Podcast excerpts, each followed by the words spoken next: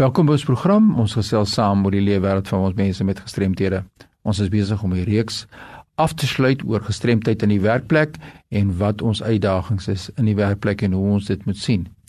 Nou ons het in vorige programme baie duidelik gesê en ek sat saam deur te sê dat ons moet verstaan wat verlies is, ons verstaan wat impairment is en die Wetskrif verduidelik dit so mooi vir ons dat impairment is a perceived or a functional limitation and the feature of a body of a person's body and it affects the functioning and it's or a loss of activity. Nou dit is baie belangrik dat ons moet verstaan wat impairment is want daar's vyf verskillende forme van impairments. Die impairments is 'n verlies: physical, sensory, intellectual, psychosocial en neurological impairments. Nou, die wat nou eers vir die eerste keer na hierdie reeks luister, moet 'n bietjie teruggaan en kyk wat het ons gesê in vroeë programme oor hoe hierdie verskillende impairments aangespreek moet word, hierdie verskillende verliese aangespreek moet word, want ons moet verstaan dat die verlies bestaan, maar dit maak nie noodwendig die persoon 'n persoon met 'n gestremdheid nie, want gestremdheid is 'n konsep.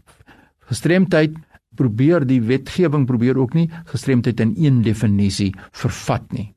Want because it's involving concept. Disability is imposed by society, said die wetgewing, when a person with a physical, psychosocial, intellectual, neurological or sensory impairment is denied access to full participation, participation in all aspects of life and when the society fails to uphold the rights and the specific needs of a person with an impairment.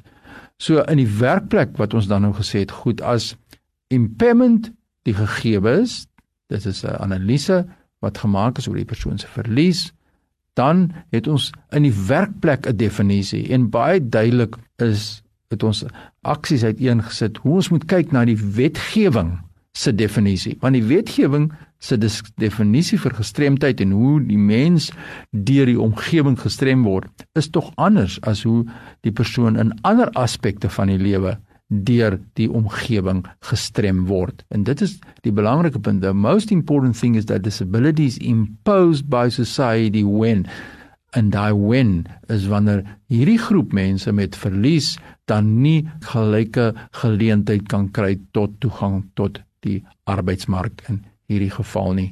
So 'n baie belangrike aspek wat ook in ons reeks na vore gekom het is hoe moet ons die minder sigbare forme van verlies hanteer? En die Wetskrif waar ons na verwys het, is baie duidelik invisible impairments, dis nou psychosocial, neurological, hearing, intellectual often lead to persons with disabilities not having access to affirmative action, social security and assistance benefits as they are not easy identifiable en dis waar die kern kom.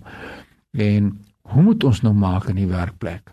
Wat moet ons maak met daai minder sigbare forme van verlies en gestremdheid wat daarmee saamgaan om dit aangespreek te kry? En die white paper on rights of persons with disabilities is clear on by saying these persons with the impairments that invisible are therefore required to present additional proof of their impairment.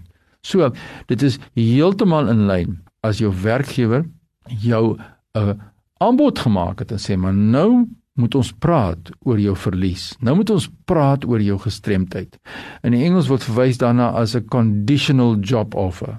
So ons gaan sit en sê, "Goed, ek dink dat jy kwalifiseer akademies, jou kwalifikasies is reg vir hierdie pos, maar jy het vandag vir my gesê om hier in te kon kom in die gebou, het jy 'n uh, oprit nodig. Ons het dit voorsien en seker gemaak dat die werksonderhoud wat ons gevoer het, het plaasgevind hier binne 'n plek wat toeganklik is vir jou in 'n rolstoel, maar kom ons kyk na die job spesifikasie. Let's have a look at the job specification of your job that you're applying for and then we must see how will you be able to meet the minimum requirements of that specific job en daarom het ons dan nou ook spesifiek gekyk na hierdie aangeleentheid in ons vorige programme. So, ek wil weer 'n beroep op julle doen.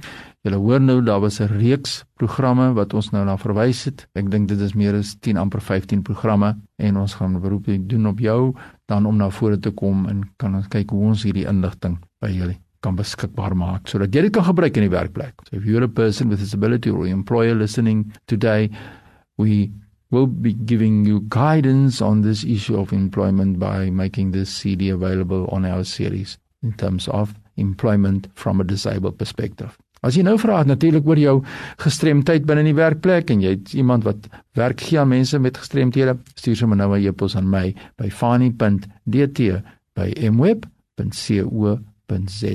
Groetens tot 'n volgende keer.